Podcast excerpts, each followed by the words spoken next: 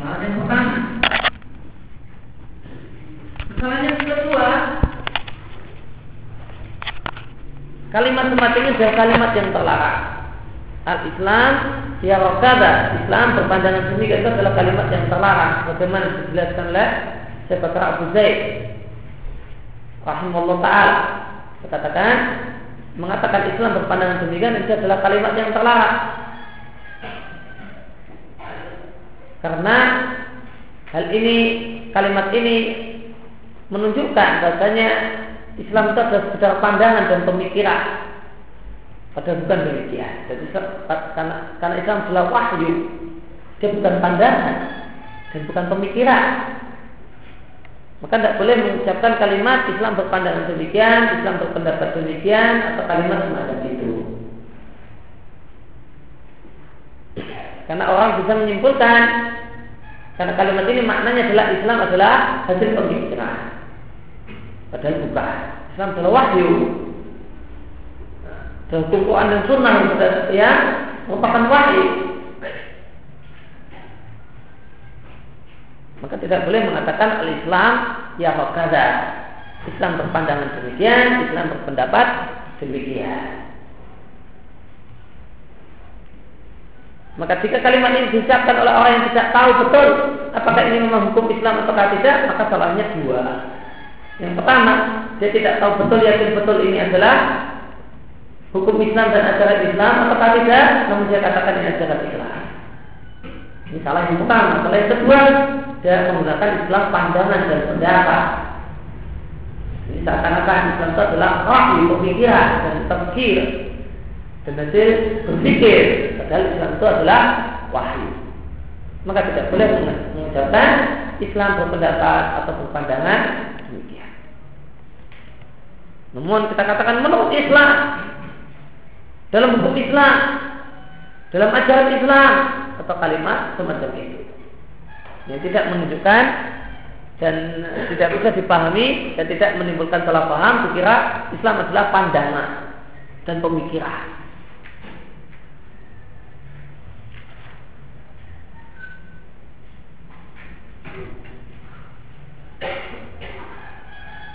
Maka ada ketika kita bicara tentang tentang hukum syariat dan kita tidak tahu secara pasti apakah ini memang hukum Allah dan Rasulnya atau tidak, maka jangan dinisbatkan kepada Islam, jangan dinisbatkan kepada Allah dan Rasulnya, namun dinisbatkan pada diri kita.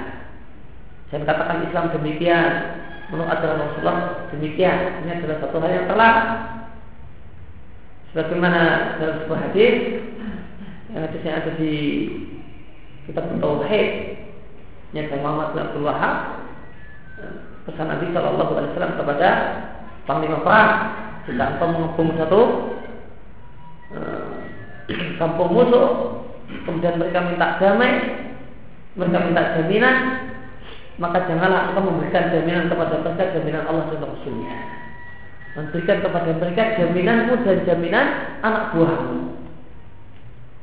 Tidak boleh ya, mengatakan memberi saya jamin kalian dengan jaminan dari Allah dan Rasulnya. Nabi larang. Karena perkaranya kalau ini atas namanya atas nama Allah dan Rasulnya ini perkaranya perkara yang berat. Namun berilah kepada mereka jaminan jaminan jaminanmu dan anak buahmu. Nah, ini perkara yang berilah. Maka dari hadis ini maka disimpulkan kesimpulan yang tadi kita sampaikan bahwasanya kalau orang itu tidak yakin ini hukum Islam, ini ajaran Rasulullah, tidak boleh dia menggunakan kalimat pasti. Menurut Islam, dalam ajaran Islam, menurut sunnah Nabi dan seterusnya. Mau nisbatkan kepada diri kita. Setahu saya demikian, ya, yang pernah saya pelajari semacam ini, sebatas ilmu saya ya sepanjang itu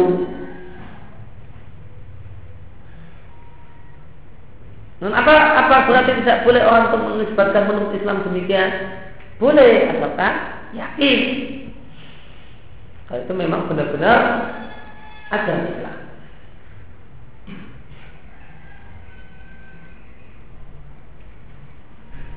Kemudian inna ba'dhan kemudian sebagian orang dijuati karena kelancangannya dan tidak adanya sikap hati-hatinya.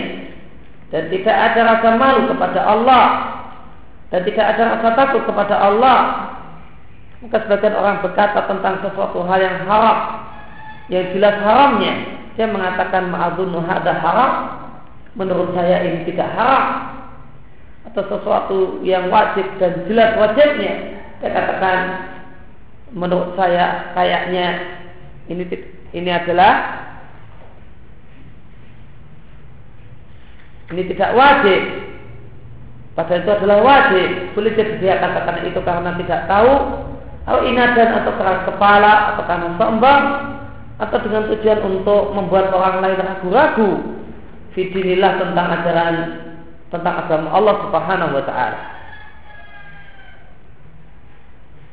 Ayol ikhwah wahai saudara-saudaraku maka sesungguhnya termasuk berakal sehat dan termasuk iman dan, dan termasuk takwa dan, dan termasuk mengagungkan Allah adalah ketika ada seorang itu berkata tentang hal yang tidak dia tahu dia katakan la a'la la adri. Aku tidak tahu aku tidak tahu. Tanyakan pada orang lain.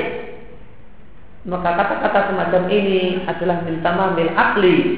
Ada di antara bentuk kesempurnaan akal karena manusia karena orang banyak orang jika melihat dia adalah orang yang tasabut orang yang hati-hati dalam menetapkan hukum maka mereka akan sikap mereka akan percaya dengan ucapannya.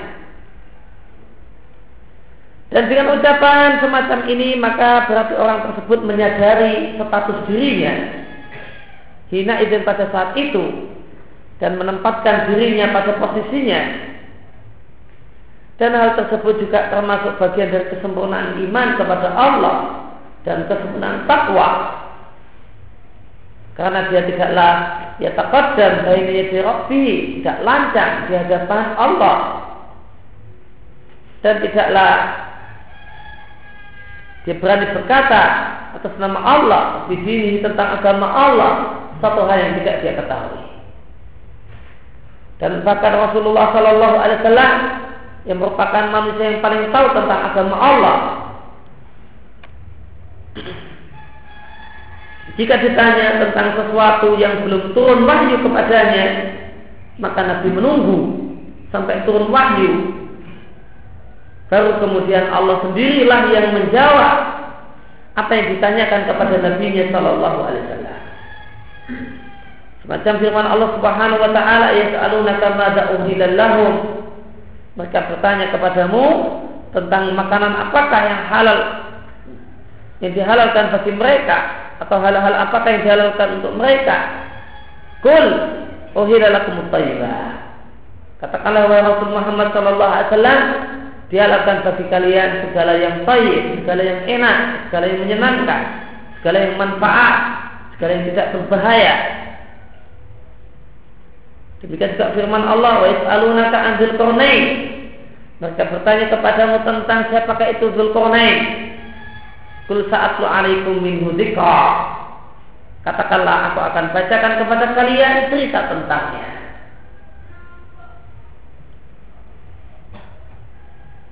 Kemudian firman Allah Subhanahu wa taala, "Yas'alunaka 'ani sa'ati ayyana mursaha." Mereka bertanya kepadamu tentang kiamat, kapankah terjadinya? Kul inna ilmuha inda rabbi. Katakanlah yang tahu kapan terjadinya kiamat adalah Rabbu. La yudaliha li waktiha Tidaklah mengetahui waktu terjadinya kiamat Illa huwa Kecuali dia semata. Demikian pula para sahabat-sahabat yang mulia Jika dihadapkan kepada mereka satu masalah yang mereka tidak tahu hukum Allah fiha dalam masalah tersebut maka mereka merasa takut. Akhirnya mereka ya tawakkufuna fiha mereka tawakuf mereka tidak memberi jawaban. Contohnya adalah Abu Bakar As-Siddiq radhiyallahu anhu.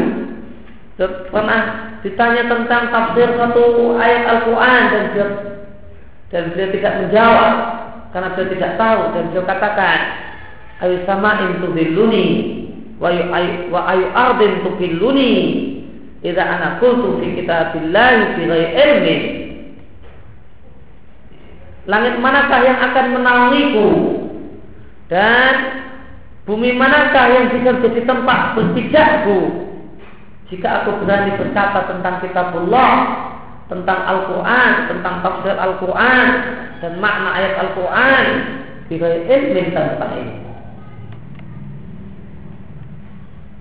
Ini ucapan Abu Bakar beliau demikian takut untuk berkata tentang masalah Al-Quran dan tafsir Al-Quran ketika beliau tidak mengetahui ilmunya.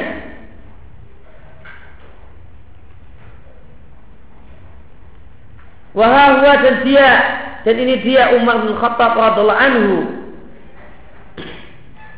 terjadi hadisah satu kejadian satu permasalahan maka Umar mengumpulkan para sahabat wastasyiruhum dan bermusyawarah dengan mereka tentang hukum kasus ini. Bagaimana dikatakan oleh Ibnu Sirin, lam yakun ahadun ahyaba mimma la ya'lamu min Abi Bakrin. Tidak ada satupun manusia yang demikian takut untuk memberikan jawaban dalam perkara yang tidak dia tahu dibandingkan Abu Bakar.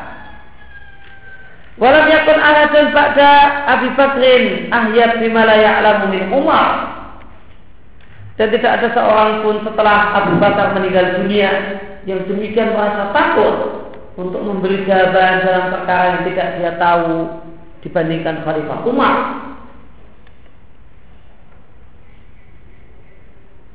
Oleh karena itu sahabat Abdullah bin Mas'ud mengatakan, Ayuhanna, perkataan ini ada di Riyadhus Salihin. Ayuhanna sekalian manusia, Man su'ila an ilmin ya'lamu falyakul fihi. Siapa yang ditanya tentang ilmu suatu yang dia ketahui, maka jawablah. Siapa yang ditanya dan dia tahu jawabannya, maka jawablah. Sebagaimana yang dia tahu. Jangan ditambahi. Namun jangan ditambah-tambahi. Dijawab sebagaimana yang diketahui saja. Bamalam yakun indah ilmun falyakul Allahu a'lam. Dan siapa yang tidak punya ilmu dan ditanya, maka katakanlah Allah Allah. Saya tidak tahu. Allah yang tahu. Fa'ina minal ilmi ayakula lima la ya'lamu Allahu a'lam. Maka termasuk ilmu adalah ketika seorang itu tidak tahu tidak tahu hukum suatu masalah, dia mengatakan Allah yang tahu. Maka kata Ibnu Mas'ud, mengatakan saya tidak tahu untuk perkara memang tidak tahu adalah termasuk ilmu.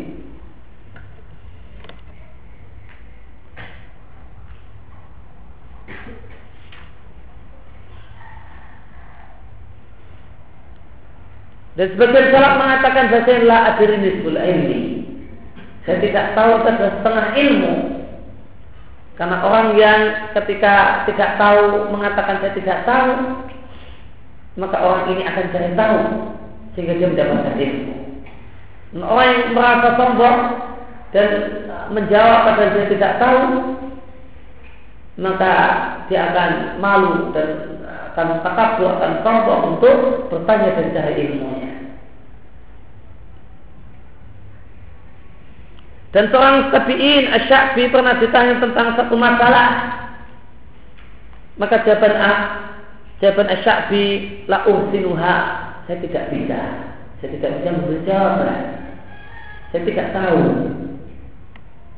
Maka murid-muridnya mengatakan Qad istahyaina laka Wahai guruku Kami malu denganmu Ada orang tanya masa engkau tidak tahu Padahal engkau adalah masyhur ulama besar. Maka jawaban Asyabi lakin al malaikata lam tastahi hina qalat la ilmana la ilma lana illa maka kata Syafi akan tapi malaikat tidaklah malu untuk mengatakan la ilma lana illa ya Allah kami tidak punya ilmu kami tidak tahu kami tidak punya ilmu kecuali sebatas ilmu yang kau ajarkan kepada kami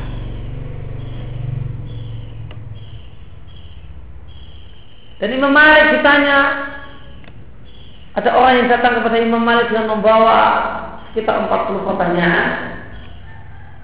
Dari 40 pertanyaan tersebut yang dijawab Imam Malik cuma 4. Yang lainnya dijawab, saya tidak tahu. Saya tidak tahu. Lalu dia mengatakan, wahai Imam Malik, saya ini diutus oleh penduduk kampungku yang jauh dari sana untuk datang kemari untuk menanyakan masalah-masalah mereka. Ternyata malah kau jawab semuanya sebagian besar kau jawab tidak tahu dan tidak tahu. La ubsinuha jawaban Imam Apa yang harus saya katakan kepada mereka? Dengan jawaban kau ini cuma dapat tempat seperti ini. Apa yang saya katakan kepada mereka? Maka kata Imam Malik, katakan kepada mereka, bahasanya Malik la yuhsinuha. Katakan pada mereka, Imam Malik tidak tahu. Malik tidak tahu jawabannya. Umumkan, umumkan sama penduduk umum. Malik tidak tahu jawaban tentang masalah-masalah ini. So, umumkan kalau dia tidak tahu. Ulama besar yang karena hati-hati mereka.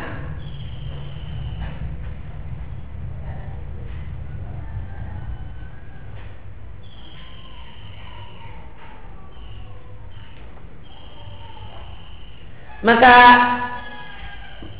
disampaikan oleh Syekh Muhammad bin Salah Utsaimin rahimahullah taala bahasanya keberanian untuk mengatakan tidak tahu ketika itu adalah memang nggak tahu itu adalah bagian dari akal yang sempurna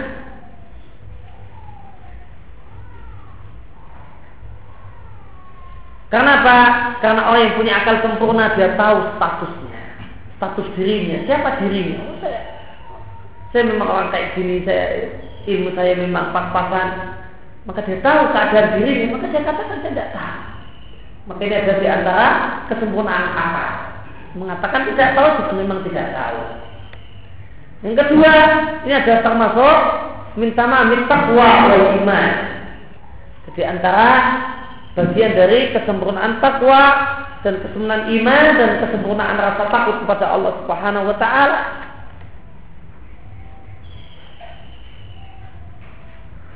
Kenapa? Karena Allah Subhanahu wa taala melarang kita untuk lancang di hadapannya. Itu sebagaimana firman Allah di surat Al-Hujurat ayat yang pertama, ya ayyuhalladzina amanu la tuqaddimu baina yadayillahi wa rasulih. Wahai orang-orang yang beriman, janganlah kalian mendahului Allah dan Rasulnya. Jangan kalian mendahului Allah dan Rasulnya. Apa yang dimaksud mendahului Allah dan Rasulnya? Kata Ibnu Abbas, radhiyallahu anhuma katakan la taqulu khilafal kitab sunnah. Jangan kalian berkata-kata yang berbeda dengan apa yang diajarkan oleh Al-Quran dan Sunnah. Al-Quran mengatakan hukumnya demikian, kalian katakan hukumnya hukum yang lain. Al-Quran mengatakan hukumnya A, dan katakan hukumnya B. Maka Allah perintahkan kita untuk jangan lancar di hadapan Allah dan Rasulnya. Janganlah kita berbeda dengan apa yang ditetapkan hukum yang ditetapkan oleh Allah dan Rasulnya.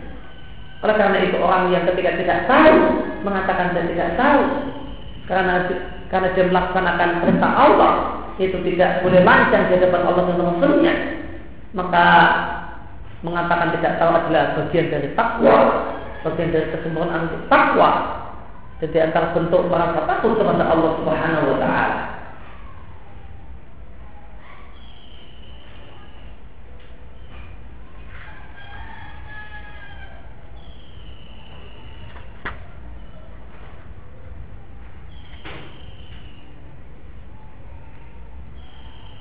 Dan kenapa kita merasa berat untuk mengatakan tidak tahu ketika memang tidak tahu? Nabi saja ketika mendapat pertanyaan dan beliau memang tidak tahu karena tidak ada wahyu, maka jawaban Nabi tunggu. Maka Nabi menunggu sampai ada wahyu. Setelah ada wahyu maka Nabi akan sampaikan inilah jawaban dari Allah tentang masalah yang ditanyakan.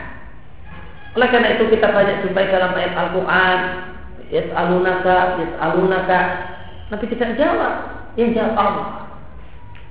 Artinya Nabi ditanya dan Nabi tidak tahu, maka Nabi tidak memberikan jawaban. Nunggu sampai datangnya wahyu. Nabi ditanya oleh orang-orang musyrik, siapa itu Dzulqarnain? Tolong ceritakan pada kami tentang siapa itu Dzulqarnain.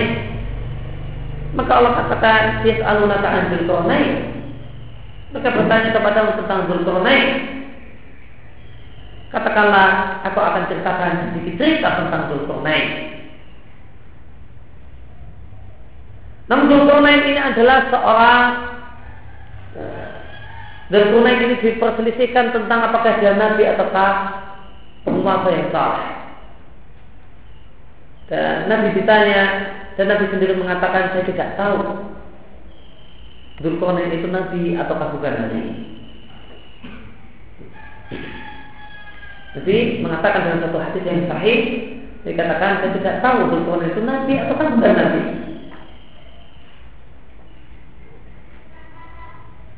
Maka saya kata Dzulqarnain, kita katakan nabi itu tidak tahu mengatakan pada kita dia tidak tahu apakah itu nabi atau bukan nabi maka kita pun tidak bisa menegaskan apakah dia nabi atau bukan nabi. Namun yang jelas Dzulkarnain itu bukan uh, Alexander the Great sebagaimana anggapan sebagian orang dikira Dzulkarnain itu adalah Alexander Yunani ini adalah satu hal yang tidak benar bagaimana dijelaskan oleh Syekhul Islam itu Taimiyah di kitab beliau Al-Furqan Baina Auliya Rahman wa Al-Isyafa Dzulkarnain itu beda dengan Alexander kata penduduk Islam. Karena Zulkarnain itu adalah seorang muslim, sedangkan Alexander itu kafir muslim. Yang penasihatnya adalah Aristoteles. Menterinya adalah penasihat Aristoteles yang muslim. Sedangkan adalah seorang mukmin, seorang muslim yang mukmin. Ini bahkan diperselisihkan tentang apakah dia nabi atau bukan.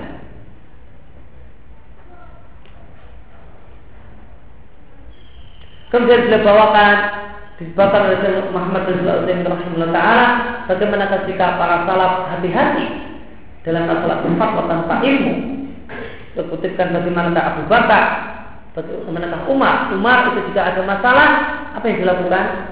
Dia tidak tahu, mengumpulkan sahabat banyak. Artinya sahabat-sahabat senior dikumpulkan dan musyawarah.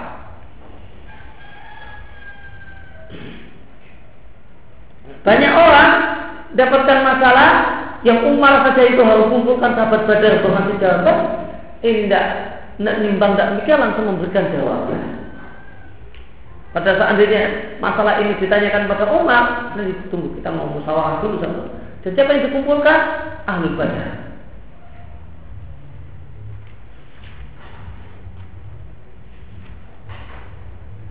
Dan Ibnu Mas'ud radhiallahu anhu juga pernah mengatakan Orang yang memberikan jawaban terhadap semua pertanyaan yang disampaikan kepadanya bahwa. Maka dia orang gila. Kenapa semua pertanyaan kok bisa dijawab semua? Tidak ada yang mengatakan saya tidak tahu. Ini bukan manusia. Karena manusia itu terbatas ilmunya. Ini orang gila.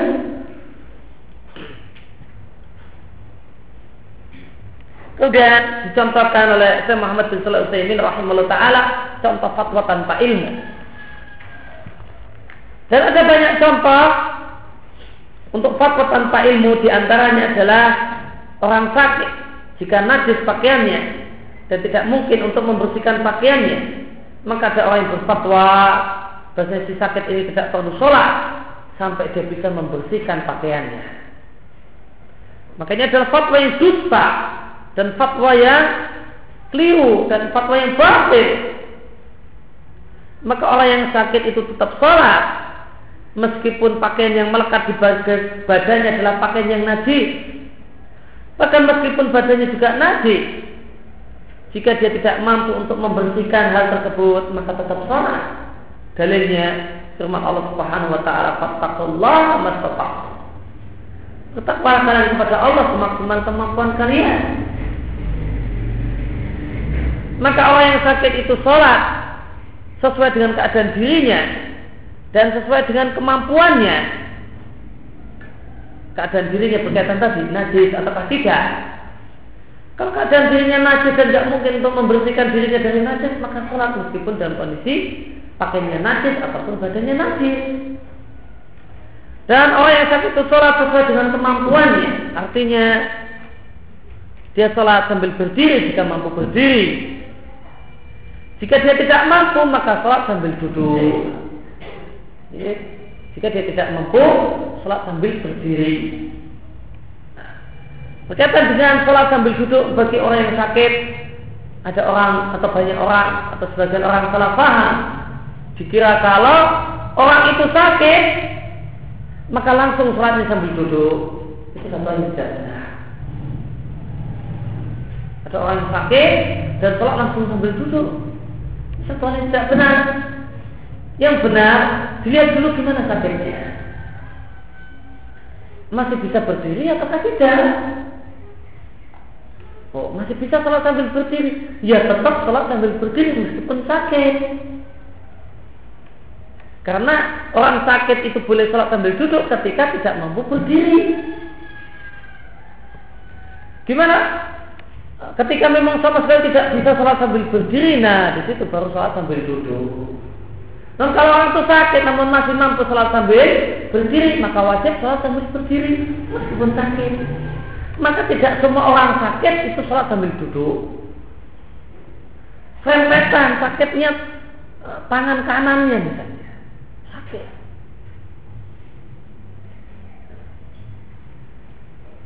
Namun bisa sholat sambil duduk bisa. Oh kok bisa? Bisa itu ya sudah sholat sambil berdiri biasa. Enggak kemudian langsung senang saja selonjol langsung duduk. Ini orang salah paham.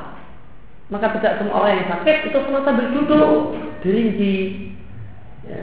Sakitnya masih bisa sambil berdiri atau tidak. Jika masih bisa berdiri dan sanggup sambil berdiri, maka wajib hukumnya sambil berdiri. Jika dia sakit dan bisa berdiri namun cuma sebagian di sebagian gerakan, namun tidak bisa untuk gerakan yang lain, maka untuk gerakan yang bisa dilakukan secara dengan secara benar, ya tetap dikerjakan secara benar. Yang tidak mampu, ya itu yang dikerjakan semampunya. Misalnya untuk rukuk, untuk berdiri dan rukuk bisa, namun sujud nggak bisa. Untuk sujud nggak bisa, namun berdiri dan rukuk bisa, maka sholatnya sambil berdiri Nah, maka rukuk juga sambil berdiri, sujud nggak bisa, sudah. Ketika itu bisa duduk, kemudian berisyarat dengan kepala untuk sujudnya. Nanti masuk okat kedua gimana? Berdiri lagi. Okat kedua berdiri lagi. Kemudian rukuk sambil berdiri. Kemudian ketika mau sujud, duduk lagi, kemudian berisyarat dengan kepala untuk sujud.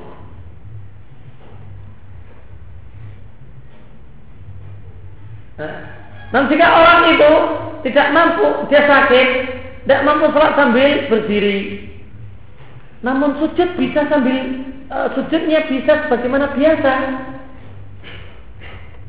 Maka nggak boleh sujudnya pakai isyarat. Nggak boleh sujudnya pakai isyarat. Untuk berdiri, pengganti berdiri dia duduk. Nah, ukuknya isyarat. Nah gimana? Bisa sujud sempurna? Bisa. Bisa sujud bagaimana biasa. Sujud bagaimana biasa. Duduknya sebagaimana biasa. Nah untuk berdiri, nah, nanti cuma dalam posisi duduk. Demikian. Karena karena dalil masalahnya adalah fattakullah mastata'tum. Bertakwalah kalian kepada Allah semaksimal kemampuan kalian. Apa yang mampu dikerjakan yang tidak mampu di situ ada kemudahan. Kalau sujudnya mampu sebagaimana biasa, nggak mampu berdiri, maka yang ada kelonggaran adalah masalah sujud. Tidak, yang ada yang ada kemudian saja masalah berdiri, tidak dalam masalah sujud. Sujud tetap sebagaimana seharusnya. Dan demikian seterusnya.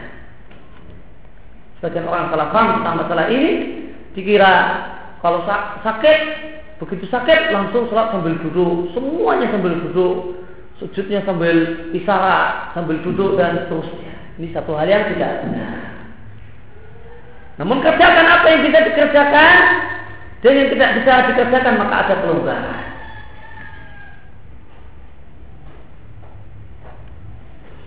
Maka jika tidak mampu salat sambil berdiri, fa'ilam yastati' faqaidan maka salat sambil duduk.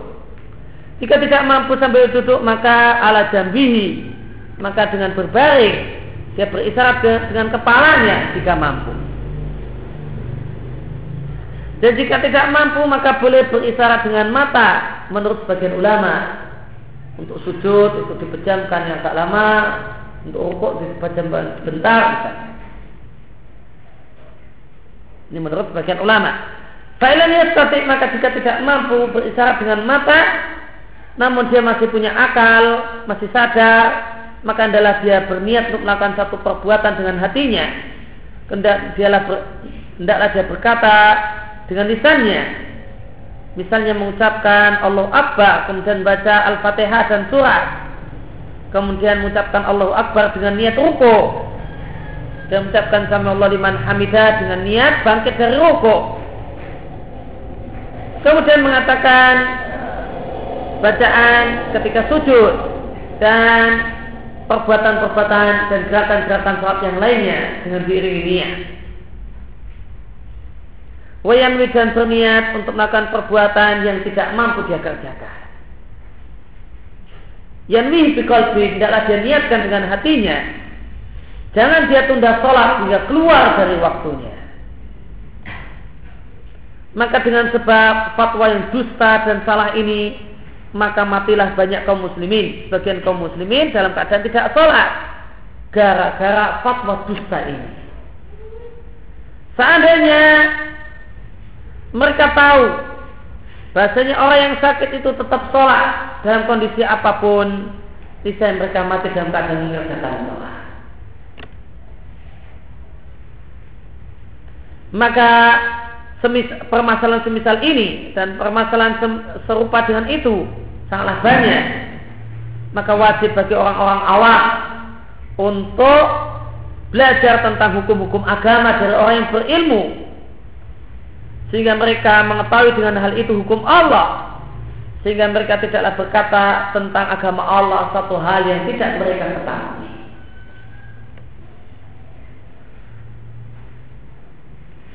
Dan fatwa yang keliru ini disebabkan belajarnya tidak selesai.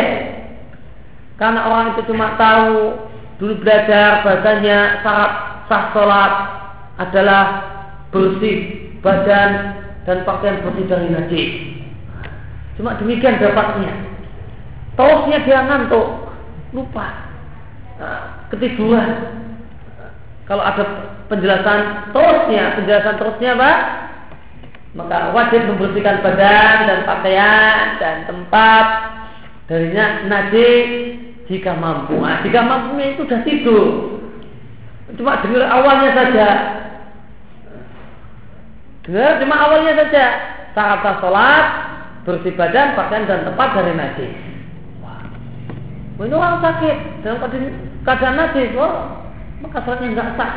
Maka usah sholat. Nanti sampai bersih dari najis kamu kamu tetap nekat sholat, tetap gak sah sholatnya. Dengan gagahnya dia mengatakan demikian. Kalau kamu nekat, kamu najis, gak sah, gak ada gunanya, gak ada faedahnya sholat. Ini padahal karena belajarnya yang kurang lengkap. Ini cuma dapat belajarnya ketika, ketika belajar cuma dapat ini tadi saat sholat adalah badan, pakaian dan tempat sholat bersih dari najis. Namun Padahal ada keterangan setelahnya. Jika mampu. Nah, jika mampunya itu kelewatan. Jika mampunya ini untuk menunjukkan seandainya tidak mampu karena sakit tidak ada yang ganti sendiri sendirian kemudian apa-apa di situ semua masih tidak mampu dibersihkan ya sudah sholat sebisanya. Allah Mustafa. Bahaya orang itu belajar setengah-setengah nanti bisa keluar fatwa-fatwa yang menyesatkan gara-gara orang yang belajarnya setengah-setengah. Kemudian penyakit penuntut ilmu yang ketiga yang wajib dijauhi adalah sombong. Dan Nabi Shallallahu Alaihi Wasallam telah menafsirkan sombong itu bi ajma'i tafsir dengan tafsir dengan penjelasan yang paling lengkap dan yang paling jelas dan paling jelas yaitu sabda Nabi Shallallahu Alaihi Wasallam Al-kibru batarul haqqi wa ghamtun nasi. Kibir sombong itu adalah menolak kebenaran dan merendahkan orang lain.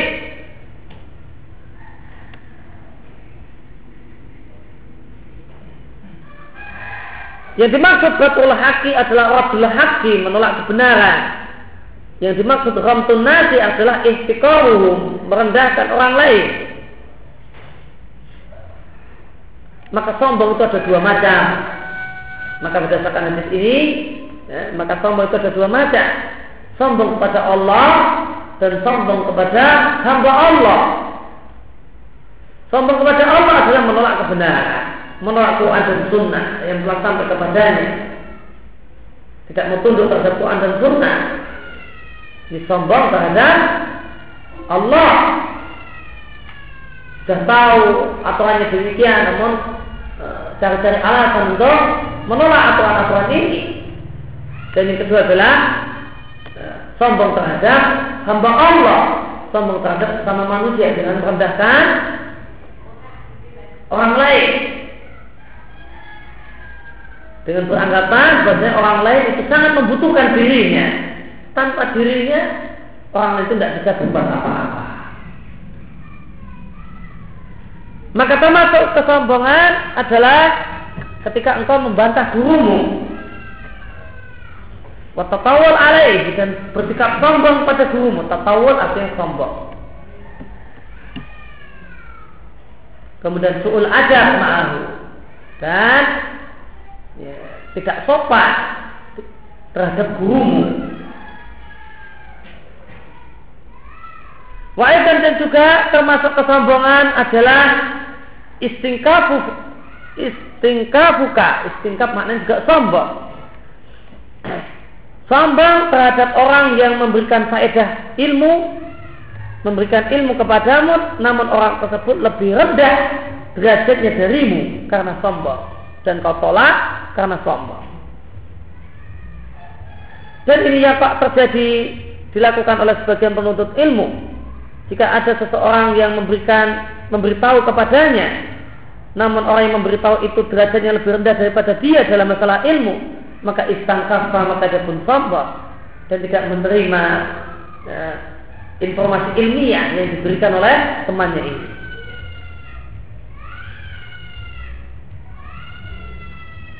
Maka bila sebutkan contoh sombong dalam eh, yang dilakukan oleh seorang penuntut ilmu, yaitu sombong terhadap guru, dengan membantah guru dengan sikap dan gaya yang tidak sopan. Ini adalah bentuk kesombongan. Boleh saja mengkritik guru, tidak salah. Tidak, tidak boleh orang itu uh, meyakini bahwa semua apa yang dia katakan gurunya adalah benar. Boleh diskusi dengan guru, boleh mengkritik guru, namun berbahasalah bahasa yang santun karena statusnya adalah kita murid. Ini guru kita. Artinya kita menjadikannya guru, kita mengakui dia orang yang punya ilmu yang lebih dari kita. Maka maka harus bersikap beradab dengan adab yang benar dengan cara misalnya ini gurunya keliru maka dengan cara jangan dibantah namun dengan cara bertanya diingatkan dengan cara uh, ditanyai ada dalil semacam ini ya. atau kemudian ada atau membawakan buku saya bawa uh, yang dalam buku tersebut ada teguran untuk dia ini, saya ini ada ada buku saya kurang paham maksudnya itu tolong dijelaskan Ustaz. ini paragraf ini satu lembar ini saya nggak begitu udong mungkin kalau saya jelaskan saya lebih paham maka ditanyakan, oh, maka ditanya dia maka dijumpai atau hal yang menegur dia. Maka dia akan jelas, oh maksudnya gini gini gini gini gini. Oh, dengan itu dia saja. Atau dia tanyakan, ini saya saya pernah dengar dalil kayak gini apa benar dalilnya? Untuk mengingatkan dia dengan dalil yang mungkin lupa. Dengan dalil yang tidak dia ingat. Itu cara negur guru. Dan kemudian, oh, Ustaz ini keliru. Yang benar harusnya gini. Karena gini gini gini gini gini. Ini sikap yang tidak benar, tidak sopan. Ini ada bentuk kesombongan guru. Dan ini ada kesombongan jenis yang kedua itu menyembah sombong terhadap orang lain. Kemudian beliau contohkan yang kedua adalah ada orang yang memberi memberitahu, memberikan faedah ilmiah, memberikan memberi informasi ilmiah, dan ditolak karena yang menyampaikan dan memberitahu dan ngasih masukan itu adalah orang yang baru kemarin ngaji. Wah, saya sudah lama ngaji masa uh, gengsi kalau saya harus menerima uh, informasi dari dia. Maka ini juga sombong, jadi sombong terhadap al-haq. Sudah sombong jenis yang pertama. Kemudian wataksiruka anil amal bil ilmi dan taksir dalam masalah amal tidak tidak sempurna, tidak sungguh-sungguh dalam mengamalkan ilmu adalah uh, unwanu hurman adalah tanda orang itu dicegah dari ilmu yang manfaat. Nas'alullah afiyah. Tentang masalah ini ada seorang penyair yang mengatakan al ilmu harbun lil fata al muta'ali kasaidi harbun lil makanil ali. Sesungguhnya ilmu itu adalah musuh bagi seorang yang sombong. Bagaimana air hujan itu adalah musuh bagi tempat yang tinggi. Memakna baik dan makna dari bait syair ini Sesungguhnya seorang yang sombong Tidaklah mungkin dia mendapatkan ilmu Karena ilmu adalah musuh baginya Sebagaimana air hujan Itu adalah musuh bagi tempat yang tinggi. Karena tempat yang tinggi Yang faddu anhu maka bubar meninggalkannya. Asailu air hujan. Ada yang mengalir sebelah kanan dan ada yang mengalir sebelah kiri. Namun yang jelas laistakiru ali tidaklah berhenti di sana. Maka demikian juga ilmu laistakir maka dia tidak akan terhunjam ke dalam hati seseorang ma'al kibri jika orang tersebut adalah orang yang sombong wal ulu dan sombong Bahkan boleh jadi ilmu itu akan dicabut darinya bisa babi dalik disebabkan kesombongannya. Air hujan itu musuh bagi tempat yang tinggi. Maksudnya ketika hujan turun dan turun di tempat yang tinggi, maka air hujan itu langsung pergi. Ya kan? Ada air hujan turun ke gunung, maka dia akan langsung pergi akan langsung turun. Ada turun sebelah kanan ada turun sebelah kiri. Tidak ada yang mau berhenti di sini. Tidak ada yang mau berhenti di sini. Ini yang dimaksud air hujan adalah musuh bagi tempat yang tinggi. Artinya tidak mau berhenti di situ. Tidak mau berhenti di tempat yang tinggi. Namun pergi dari tempat yang tinggi. Maka demikian juga ilmu adalah musuh bagi orang yang sombong maka orang yang sombong itu ilmunya tidak akan merasuk boleh jadi ilmunya itu akan hilang disebabkan kesombongannya. Oleh karena itu benarlah apa yang dikatakan oleh Mujahid bagaimana yang disebutkan oleh Bukhari uh, dalam kitab ilmi dalam sahihnya Mujahid mengatakan la yatubul ilmu mustahil wala mustakbir tidak mungkin akan menuntut ilmu dan tidak mungkin akan mendapatkan ilmu orang yang pemalu. Orang yang malu waduh. Saya mau belajar sekarang tapi nggak ada kenalan nih. Nggak ada yang saya kenal. Wah nunggulah kalau nanti sudah ada kenalannya lah. Ada teman kenal masa datang sendiri tengok-tengok kayak orang bilang malu ini. Maka orang yang malu tidak akan menuntut ilmu dan tidak akan mendapatkan ilmu maka syarat orang itu untuk bisa menuntut ilmu dan mendapatkan ilmu menghilangkan malu ya adalah yang penting saya dapat ilmu. Terserah meskipun tengok-tengok kayak orang gila nggak apa-apa. Yang penting saya saya butuh ilmu. Saya bukan butuh uh, uh, butuh kenalan orang. Saya butuhnya butuh ilmu. Meskipun tengok-tengok sendirian nggak ada yang kenal nggak apa-apa. Karena yang penting bagi saya adalah ilmunya. Uh, bukan orang yang kenal sama saya. Namun ini bukan berarti ini bagi orang yang mau datang. Ya bagi orang yang mau belajar maka ini harus ditinggalkan Namun nasihat bagi orang yang sudah duduk di majelis tersebut, yang sering duduk di majelis ini, ya kalau di sampingnya ada orang yang tidak dikenal ya ditegur. Di sebelahnya ada orang yang tidak dikenal maka diajak kenalan. Namanya siapa, dari mana, jangan dicueki. Gimana coba kalau kita pergi ke satu tempat kemudian semua orang cuma cuek, tidak peduli dengan kita, tidak ada nyapa, tidak ada yang negur. Gimana? Ini orang-orang di sini sombong-sombong semua. Maka maka kaedahnya sebagaimana kemarin telah kita sampaikan berulang kali, faliyati ila nari mayuhibu ayyuta ilahi sikapilah orang lain dengan sikap-sikap yang ingin kita dapatkan dari orang lain.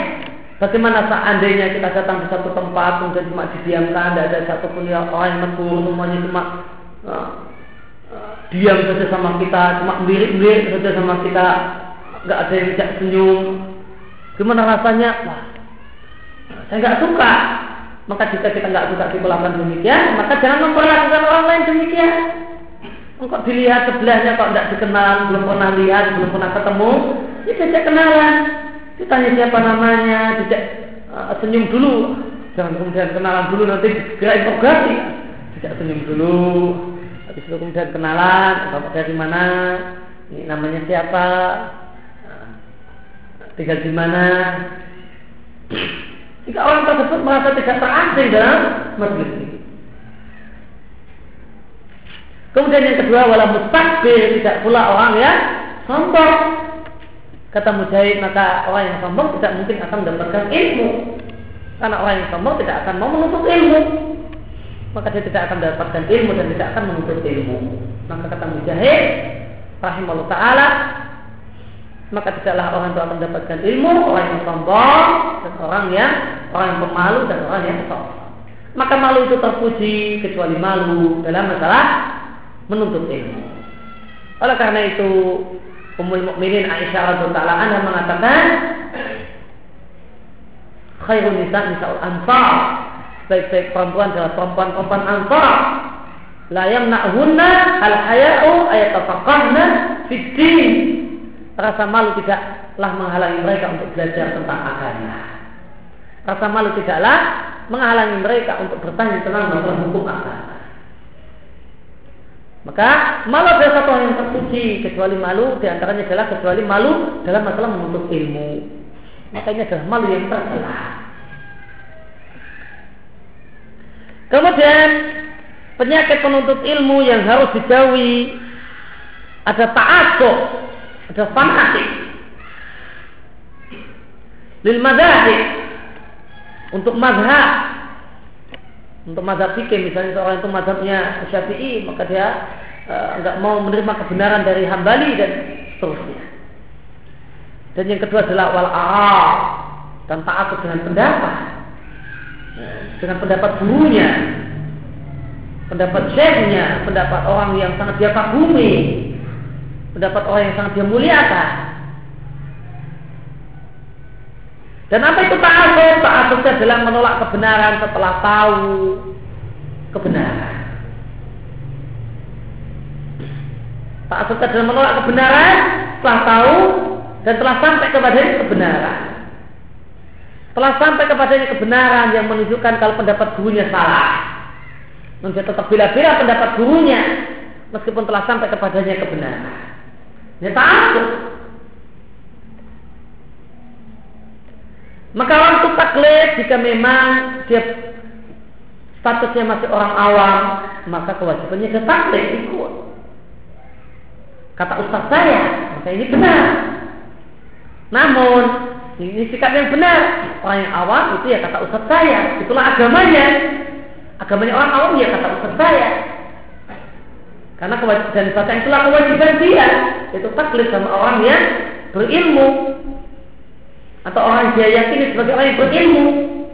Namun tidak boleh ta'asuk artinya jika telah disampaikan kepadanya hujah sampaikan kepadanya dalil. Dan dia tidak punya dalil.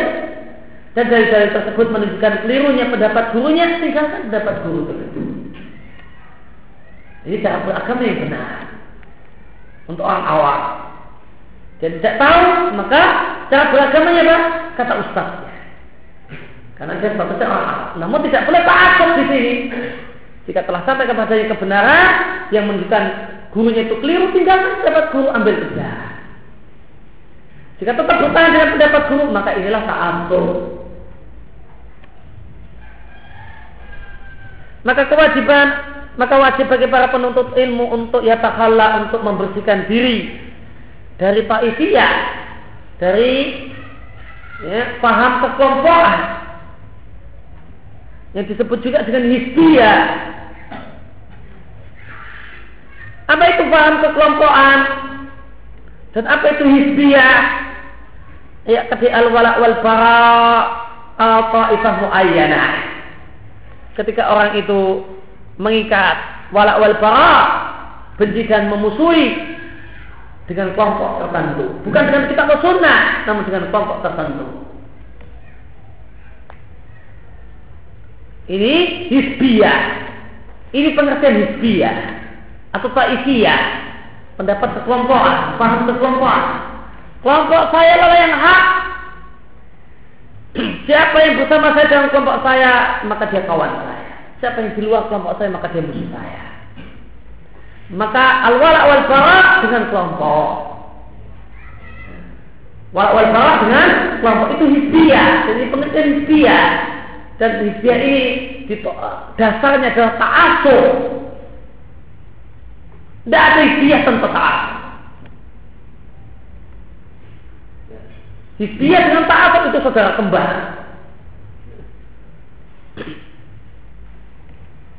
Maka fa'a, maka tolak ukur cinta dan benci, walak wal pemusuhan dan kecintaan adalah kelompok.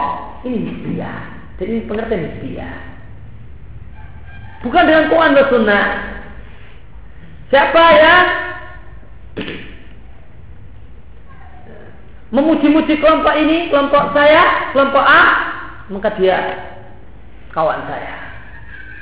Mau siapa yang benci dengan kelompok itu? Terserah karena apa dia benci? Saya tidak menerima uzurnya, saya tidak menerima alasannya, maka dia musuh saya. Dan siapa yang membenci kelompok A, maka dia teman saya. Siapa yang tidak benci dengan kelompok A, maka dia musuh saya. Ini dia yaitu orang itu menjadikan selain Quran dan Sunnah sebagai tolak ukur wala wal farak permusuhan dan rasa cinta. Selain Allah dan Rasulnya dia jadikan selain Allah dan Rasulnya dan para sahabat dia jadikan sebagai tolak ukur rasa cinta dan benci. Dia memasang bendera tertentu, nama tertentu, orang tertentu, kelompok tertentu, jadi jadikan tolak ukur wala wal. Siapa yang benci ini, maka dia teman saya. Siapa yang suka dengan hal ini, maka dia siapa yang benci dengan ini, maka dialah teman saya. Yang benci ini. Yang tidak benci ini, maka musuh saya. Maka ini ya. Jadi ini ya. Siapa yang cinta kelompok ini, dia teman saya. Siapa yang benci dengan kelompok ini, maka dia musuh saya. Maka ini ya. Inilah ya. Meskipun orangnya yang melakukan hal tersebut kuah-kuah anti hizbiyah.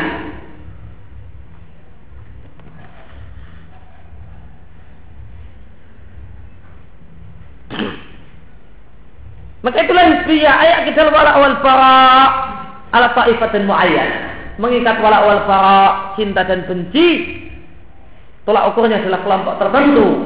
Kalau ala hizbin muayyan atau kelompok tertentu.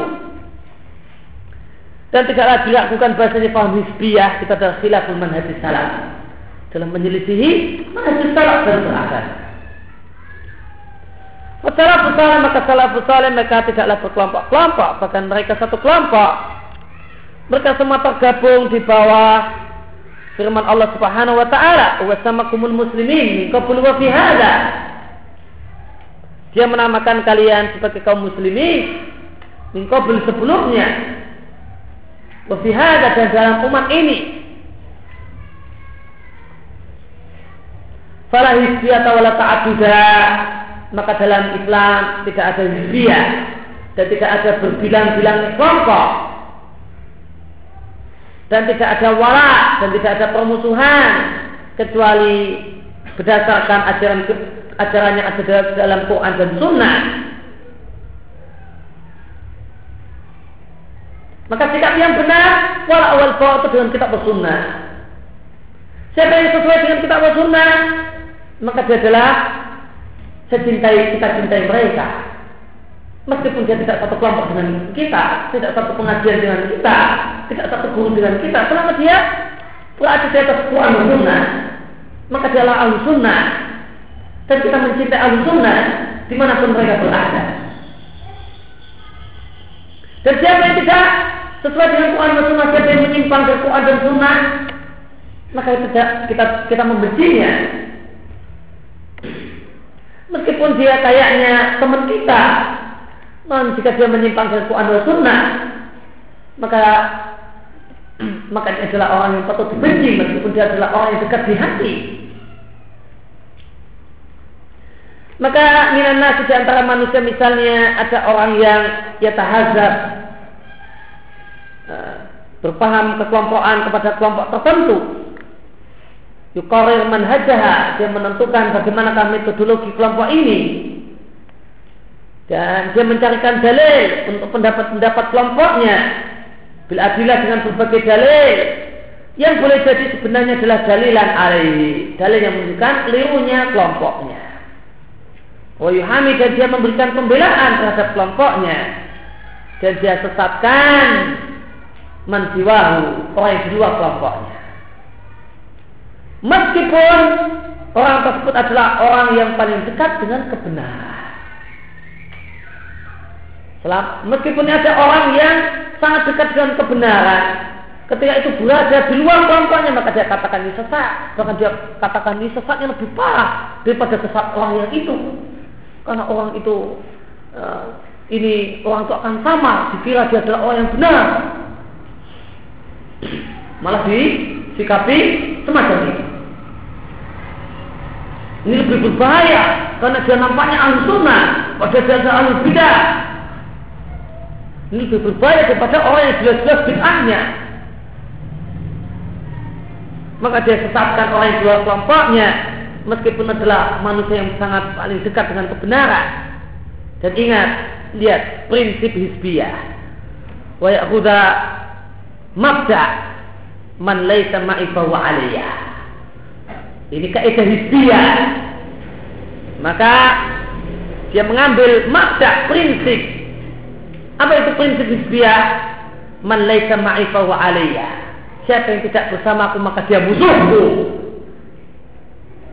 Ini prinsip hisbiyah. Siapa yang punya prinsip semacam ini maka dia adalah hisbi meskipun dia anti hisbi. Maka hisbiyah maka paham kekelompokan adalah prinsipnya lah man laisa ma'ana fa wa alaiha. Siapa yang tidak bersama kami, maka dia adalah musuh kami.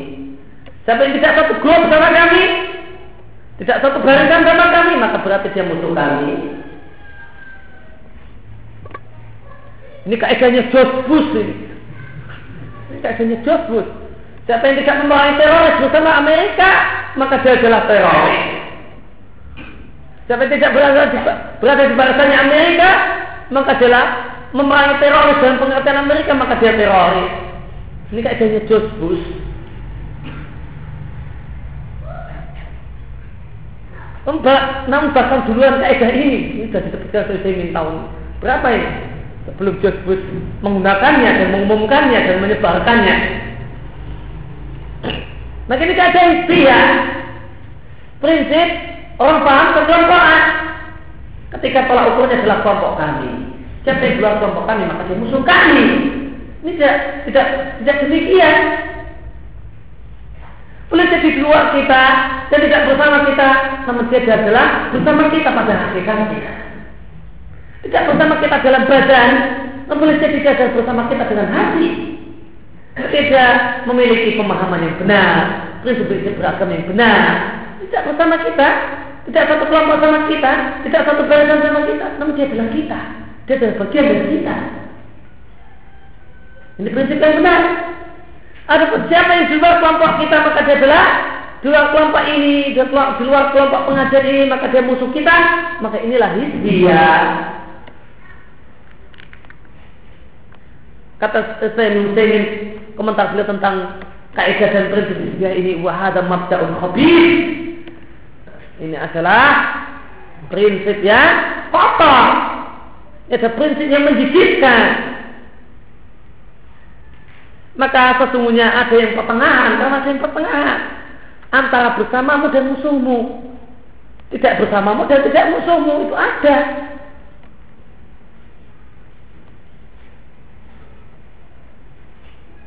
Wa idza kana 'alaika bil haqqi falyakun 'alaika wa wa fil haqiqati ma'aka. Dan kata Syekh Muslimin, dan jika ada orang itu adalah menyelisihimu namun bil haqqi dengan cara yang benar, menyelisihimu namun dengan cara yang benar. Falyakun alaika wa fil haqiqati ma'aka. Maka nampaknya dia adalah menyelisihimu padahal pada hakikatnya dia adalah bersamamu. Jika ini adalah perbedaan-perbedaan istihad yang masing-masing orang itu beristihad, kemudian ini sampai semua punya prinsip yang sama, kita mencari kebenaran. Dan ini adalah permasalahan-permasalahan istihadiyah dan ada yang sampai kesimpulan A dan kesimpulan B. Maka secara bahir A dan B ini berbeda. Dan pada hakikatnya dia sama. Karena berangkat dari prinsip yang sama. Maka falyakun alaika wa fil haqiqati ma'aka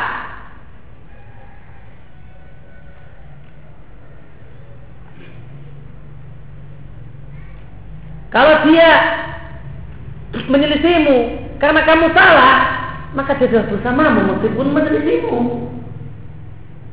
Kalau ada orang yang beda dengan kita karena kita salah, kemudian dia mereka ini menyalahkan kita dan memusuhi kita, maka dia adalah bagian dari kita. Meskipun dia memusuhi kita. Karena sabda Nabi Shallallahu Alaihi Wasallam untuk aku kabaliman au madluma. Tolonglah saudaramu baik dia mendolimi ataukah didolimi dan menolong orang yang mendolimi adalah dengan melarangnya dari kezaliman. Maka ketika ada orang keliru, kemudian dia musuhi kita, menyerang kita karena kita keliru, maka dia adalah ada saudara kita karena dia menolong kita. Karena kita keliru, maka nampaknya adalah musuh kita namun pada hakikatnya adalah bersama kita. Fala hizbiyah Islam, maka tidak ada ajaran kekelompokan dalam Islam. Oleh karena itulah madhahara tatkala nampak berbagai kelompok dalam Islam watanawaat itu mungkin tak kalau tempat saya salah cetak eh, bukan uh, bukan tak namun non mungkin yang benar adalah tak watanawaat dan beragam berbagai metode watafarqatil ummah dan umat eh, terpecah belah sebagian mereka menyesatkan sebagian yang lain tanpa dasar yang benar. Kalau dengan dasar yang benar nggak masalah. Namun yang jadi masalah sebagian menyesatkan yang lain cuma dengan dasar kekelompokan, bukan kelompoknya, bukan dengan dasar yang benar. Sebagiannya memakan daging saudaranya dalam keadaan telah jadi bangkai yaitu menggunjing. Namun menggunjingnya bukan menggunjing ahli uh, bukan menggunjing aimatul dolal, bukan menggunjing pemimpin-pemimpin kesesatan, menyesatkan orang tanpa dasar. Maka lahikohum maka menimpalah umat ini al-faslu kelemahan. Bagaimana Allah firmankan, janganlah kalian bercerai-berai, janganlah kalian berselisih. Fatab maka kalian akan lemah dan hilanglah kekuatan kalian. Tidak oleh karena itu beliau kemudian contohkan paham yang dialami oleh sebagian penuntut ilmu. Oleh karena itu kita jumpai sebagian penuntut ilmu. Ingda yakun ingda syekhin dan masyayikh dia belajar kepada seorang guru. Kemudian yang tafsir maka dia bela-bela gurunya ini bil haqi wal batil dengan hak dengan dengan hak ataupun dengan batil gurunya salah gurunya benar benar atau salah gurunya dibela wa yu'adi man dan memusuhi semua yang menyelisih gurunya bahkan dia sesatkan bahkan dia bid'ahkan. Dia katakan ahli bid'ah, orang yang menyelisih gurunya. Dan dia beranggapan bahwa gurunya itulah orang yang berilmu yang memperbaiki umat. Sedangkan selain gurunya cuma ada dua kemungkinan. Ima jahilun boleh jadi orang bodoh yang dianggap berilmu oleh sebagian orang. Yang kedua adalah orang yang berilmu namun mufsidun musa umat. Maka selain di luar gurunya cuma ada dua jenis manusia. Boleh jadi orang bodoh yang dianggap pintar oleh sebagian orang. Kalau, kalau tidak adalah orang yang pintar namun menyesatkan masyarakat. Yang benar cuma gurunya saja. Yang alim cuma gurunya saja. Selain di luar gurunya atau teman-teman gurunya, maka cuma ada dua pilihan. Imam jahil wa imam mufsid. Orang bodoh ataukah merusak umat. Wa dakhalatun kabirun. Ini adalah sebuah kesalahan besar. Dan inilah hizbiyah dan inilah ta'asub. Inilah fanatik dan inilah contoh hizbiyah. Semacam ini hizbiyah. Dan inilah fanatik. Entah gurunya salah, benar atau salah dibela. Ini fanatik sikap yang benar, sikap muslim yang benar, sikap penuntut ilmu yang benar. Balia dibubarkan kewajiban kita adalah mengambil perkataan semua orang yang perkataannya sesuai dengan kitab sunnah dan sesuai dengan eh, pemahaman sahabat Rasulullah Sallallahu Alaihi Wasallam dan perkataan para sahabat Rasulullah Sallallahu Alaihi Wasallam. Dan kebanyakan hizbiyah itu timbul disebabkan kelompok-kelompok dakwah. Namun bukan berarti organisasi dakwah itu salah. Organisasi dakwah itu ada dua macam. Organisasi dakwah yang cuma sekedar organisasi. Tidak dijadikan ikatan wala al di atas itu. Di atas organisasi itu. Maka ini tidak mengapa. Namun jika organisasi dakwah ini lebih dari sekedar Eh, pengatur dakwah, koordinasi untuk berdakwah, namun sudah jadikan ikatan wala wal bara. Siapa yang membenci organisasi ini, maka dia musuh saya. Kemudian kebenaran dibatasi dalam organisasi ini. Di luar organisasi saya tidak ada kebenaran.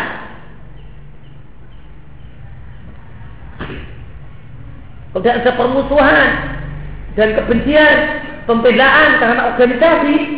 Nah ini ada satu hal yang keliru tanpa melihat organisasinya salah atau tidak. Jika ada pembelaan dan kebencian atas dasar organisasi tanpa melihat organisasinya itu benar atau salah, nah inilah hizbiyah.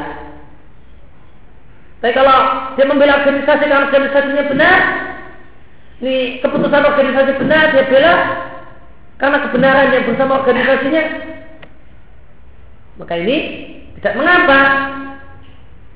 Namun ketika organisasinya salah, saya katakan organisasi saya salah. Saya sebenarnya tidak setuju. Itu keliru. Maka ini tidak istimewa. Apa pun pendapat organisasi saya itu mesti benar. Tidak bisa salah. Apa yang dikatakan oleh teman-teman saya, kelompok saya, yang satu satu grup dengan saya, maka itu adalah hak tanpa terkecuali. Maka ini hizbiyah. Maka organisasi itu ada dua macam. Ada organisasi cuma sekedar koordinasi dakwah, maka ini dibolehkan. Namun jika organisasi tersebut ada nilai plusnya, yaitu plus wala wal di atas organisasi, maka itu isbiyah. Karena hakikat isbiyah sebagaimana tadi disebutkan oleh Syekh Muslimin, ayat kita al wala wal bara ala ta'ifah muayyanah. Ikatan wala al bara dengan dasar kelompok tertentu. Bukan kitab sunnah, namun kelompok orangnya. Bukan ajaran Quran dan sunnah, namun ajaran kelompok dan ajaran dan orang-orang yang ada dalam kelompok tersebut inilah hizbiyah. Dan hizbiyah ini dibangun di atas prinsip ta'asub. Tak mungkin ada hizbiyah tanpa ta'asub. Ada paham kekelompokan tanpa ta'asub. Paham kekelompokan itu dibangun di atas fanatisme pendapat.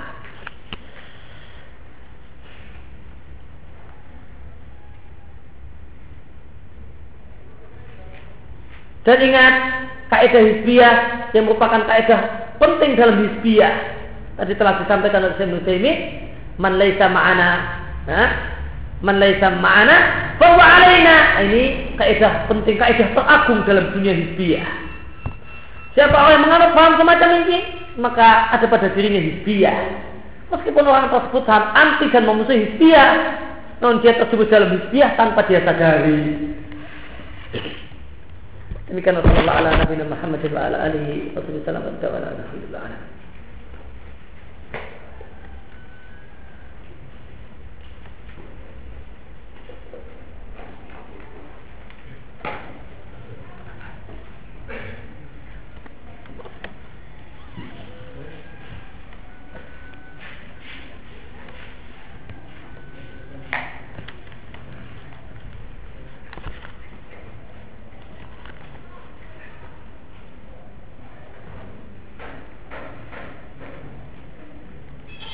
Bagaimana tip dan trik menghadapi orang tua yang melaras keras untuk seorang itu beragama dengan manhajus salaf? Kau dipahamkan bahasanya manhajus salaf.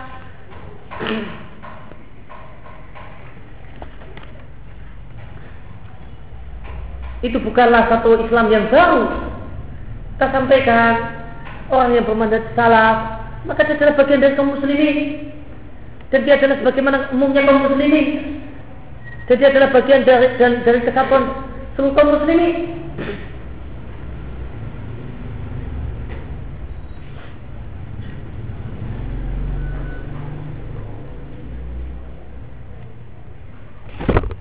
Jangan kemudian dipahamkan, jangan pula ditimbulkan anggapan bahasanya ini adalah satu kelompok eksklusif tertentu yang punya ajaran-ajaran baru.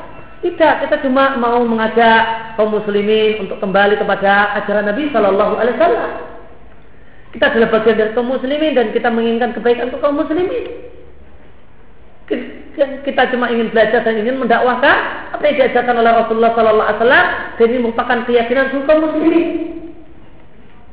Semua semua masyarakat kita orang-orang banyak orang awam orang awam di antara di masyarakat kita paham pentingnya berpegang teguh dengan sunnah. Nah itulah itu salah.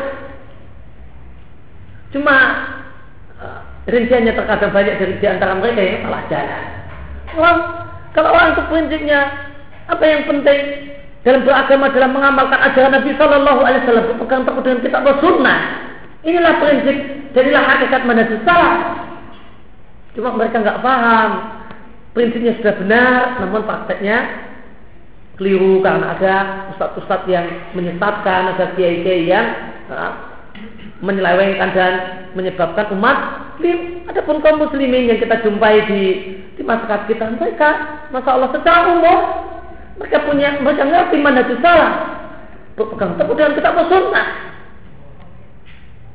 Beragama itu dengan Quran dan sunnah. Itulah keselamatan.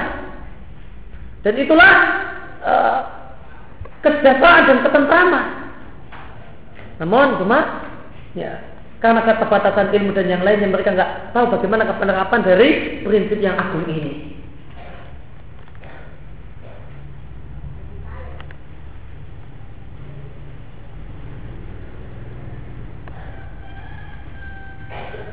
Beberapa waktu, yang lewat saya duduk, uh, saya uh, datang ke Jumatan mengikuti khutbah di satu masjid yang ceramah simbah-simbah sepuh, ya, simbah tua, ya, dengan dengan ceramah dengan khutbah dengan bahasa Jawa. Inti ceramahnya apa? Akasam akan masuk bil kitab sunnah dia najah. Itu kalau mau bahasa Arab. Berpegang teguh dengan Quran dan Sunnah itulah yang menyelamatkan kehidupan. Itu intinya. Masa Allah bagus sekali isinya. Dengan bahasa Jawa dengan bahasa bahasanya orang tua. Non Intinya tamat seperti kita masuk sunnah. Itulah manhaj salah.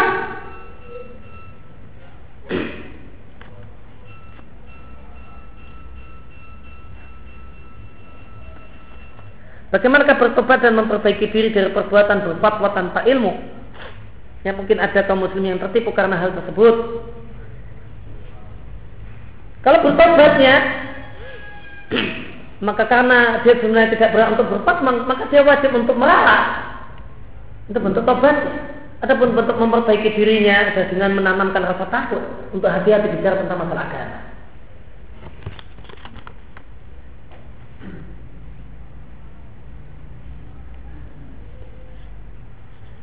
Jika kita terus menerus ngaji dari seseorang ustadz dan tidak mengambil ilmu dari orang lainnya, apakah ini termasuk hizbi?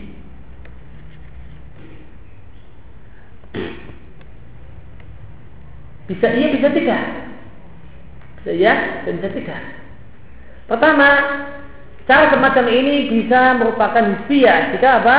Dia membatasi kebenaran pada diri ustadznya saja. Di luar ustadznya, tidak ada salah. Yang benar adalah apa yang dikatakan ustadznya dan kebenaran tidak keluar dari mulut ustadznya tidaklah lepas dari mulut ustadznya maka ini hizbiyah namun jika ini adalah tarekat belajar ya, maka salah satu tarekat belajar yang kemarin kita sampaikan itu adalah ya, jika seorang ustadz ini punya kemampuan dalam banyak ilmu maka dia ngambil berbagai ilmu tersebut dari satu guru. Maka ini cara, satu cara belajar yang dibenarkan tanpa menafikan kebenaran di luar gurunya tentunya. Namun jika gurunya ini cuma punya satu kemampuan, ya, maka ini cara belajar yang keliru. Gurunya punya satu ilmu, ya. gurunya cuma menguasai ilmu akidah, fikihnya kurang menguasai. Kok cuma belajarnya sama gurunya tersebut, gak mau belajar fikih dari guru yang lain? Nah, ini cara belajar yang keliru. Kalau gurunya cuma punya satu kemampuan menguasai satu disiplin ilmu, ya ambil disiplin ilmu ini dari gurunya, ilmu yang lain dari guru yang lain. Maka bisa dia dan bisa tidak perlu dirinci.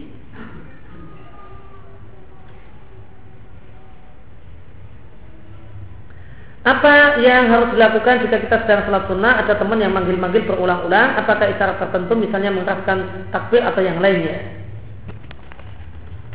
Jawabannya adalah mengeraskan suara tasbih. Subhanallah. Untuk laki-laki. Karena Nabi Shallallahu Alaihi Wasallam mengatakan idana bakum fi salati jika terjadi sesuatu dalam salatmu maka tidaklah bertasbih. Maka ketika terjadi sesuatu ada yang manggil maka cara memahamkan kalau dia kita sedang sholat maka dengan mengeraskan suara tasbih. Apakah hizbiyah termasuk kemusyrikan? Hizbiyah itu adalah sifatnya orang musyrik.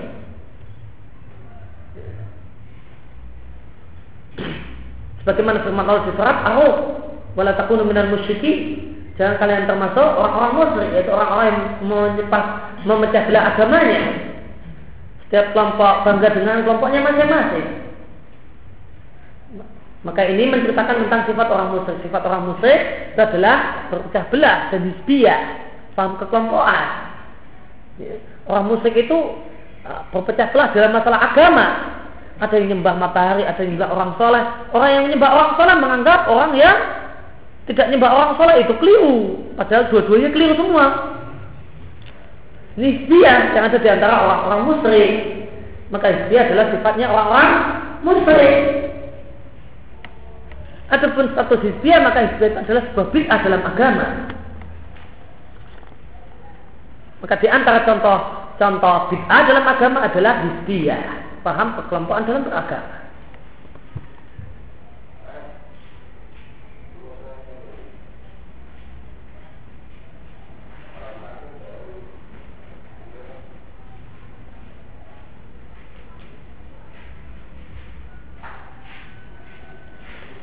Di kampung kami ada giliran ronda, namun kegiatan ronda hanya kumpul-kumpul main kartu sambil nonton TV. Tak ada warga yang ronda kecuali melakukan kegiatan main kartu tersebut. Saya sering memutuskan untuk tidak ikut ronda karena hal tersebut. Padahal saat itu kesempatan untuk takliful kulub dengan warga bagaimana sebaiknya. Saya yakin tidak cuma semata-mata itu. Ada kalau ada ronda biasanya ada jimpitan Ya sudah kalau ngejak kita datang agak telat, ya, agak malam, agak larut malam, kemudian datang, kemudian mungkin bisa ngajak yang bisa diajak untuk langsung muter, biar, biar kita aja yang muter, sehingga kita ikut nonton TV dan main kartu. Setelah kemudian muter, ambil jimpitan, itu kumpul, ya mungkin uh, duduk-duduk sebentar, jika kalau bisa ada yang dia diajak bicara ya kalau enggak ya duduk sebentar saja.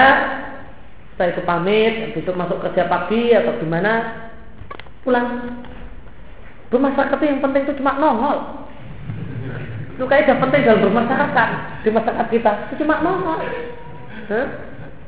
masyarakat nggak butuh nggak harus bantu macam-macam itu sudah dianggap bermasyarakat asal sudah nol absen. Itu kata kuncinya itu. Nongol. Ya ada kerja bakti nongol cuma megang-megang cangkul sebentar gini-gini terus pamit sama Pak RT maaf Pak ini ada kegiatan. Oh iya iya iya dah dah dianggap bermasyarakat oh, nggak mau keluar nah, itu yang masalah. Ini ada orang kematian, ya datanglah nongol, kelihatan, meskipun nggak ngapa-ngapain, cuma ya tahu muka. Nah, yang penting itu tahu muka kalau di hidup supaya disebut masyarakat dan supaya kita diakui di masyarakat. Di masyarakat kita itu masyarakat itu modalnya itu tahu muka. Absen nongol dan tahu muka. Itu kata kuncinya. Kalau sudah ditunaikan sudah. Sudah bermasyarakat. Namun kalau tidak, dianggap eksklusif, dianggap ini dan itu, nggak mau gaul, nah, nah, mengucilkan diri. Kan kelihatan ada orang kematian ya datang, cuma meskipun nongol, ada kerja bakti kelihatan, ada acara undang kelihatan. Itu penting untuk supaya diterima di masyarakat, tidak dianggap sebagai orang yang uh, uh, mengucilkan diri dan eksklusif dari masyarakat. Dan lebih lebih bagus lagi jika kita niatkan untuk takliful qulub bagaimana untuk jadi sarana dakwah nah ini akan lebih manfaat.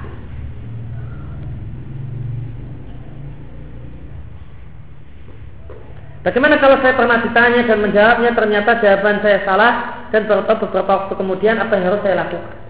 Salahnya, apakah itu salah dalam dalam bentuk menyelisih yang rajin? Jika salahnya dalam bentuk menyelisih yang rajin maka tidak masalah. Karena yang roti sekarang belum tentu roti yang besok. Dipikir-pikir lagi boleh jadi ini juga kurang tepat. Dan jika e, salahnya itu sampai derajat batin menyelisih al-haq, nah, maka wajib diralat. Bagaimana cara mengobati sifat ingin selalu sempurna segalanya? Kalau orang itu ingin yang baik-baik itu tidak terlarang. Pingin ya, pingin pintar, pingin hafal Quran, pingin hafal Bukhari, misalnya sekalian yang uh, pingin ini dan pingin itu satu hal yang tidak satu hal yang tidak terlarang. Namun satu hal yang penting penting diketahui dan bagaimanakah? Jangan cuma berangan-angan langkah-langkah yang harus uh, diambil. Kalau cuma sekedar jadi penyakit cuma sekedar pingin namun tidak ada langkah-langkahnya ini uh, jadi penyakit namun jika tidak orang itu ingin sempurna ingin baik uh, semuanya pinginnya perfect itu satu hal yang masalah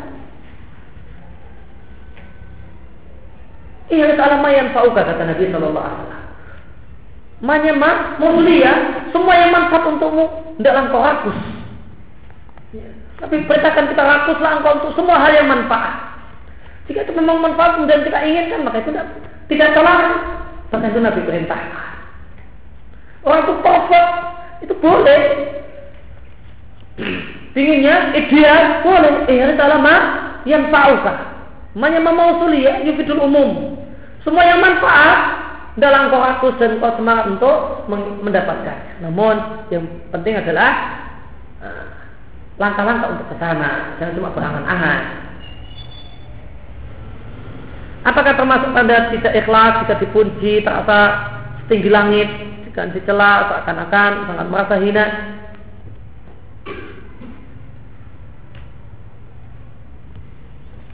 Termasuk ciri ikhlas kata para ulama adalah dipuji atau dicela sama saja. Jika orang itu dalam kebaikan, antara dipuji dan dicela itu sama saja. Orang itu nyela, saya berbuat baik, ada orang nyela, ya saya anggap nggak ada apa-apanya, tidak mengubah keadaan saya, bagaimana orang muji juga tidaklah mengubah keadaan saya. Itu tanda orang yang ikhlas. Wassallallahu ala nabiyina Muhammad wa ala alihi wa sallam. Wassalamualaikum warahmatullahi wabarakatuh. Alhamdulillah. Subhanallah bihamdika. Asyhadu an la ilaha illa anta astaghfiruka wa atubu ilaik.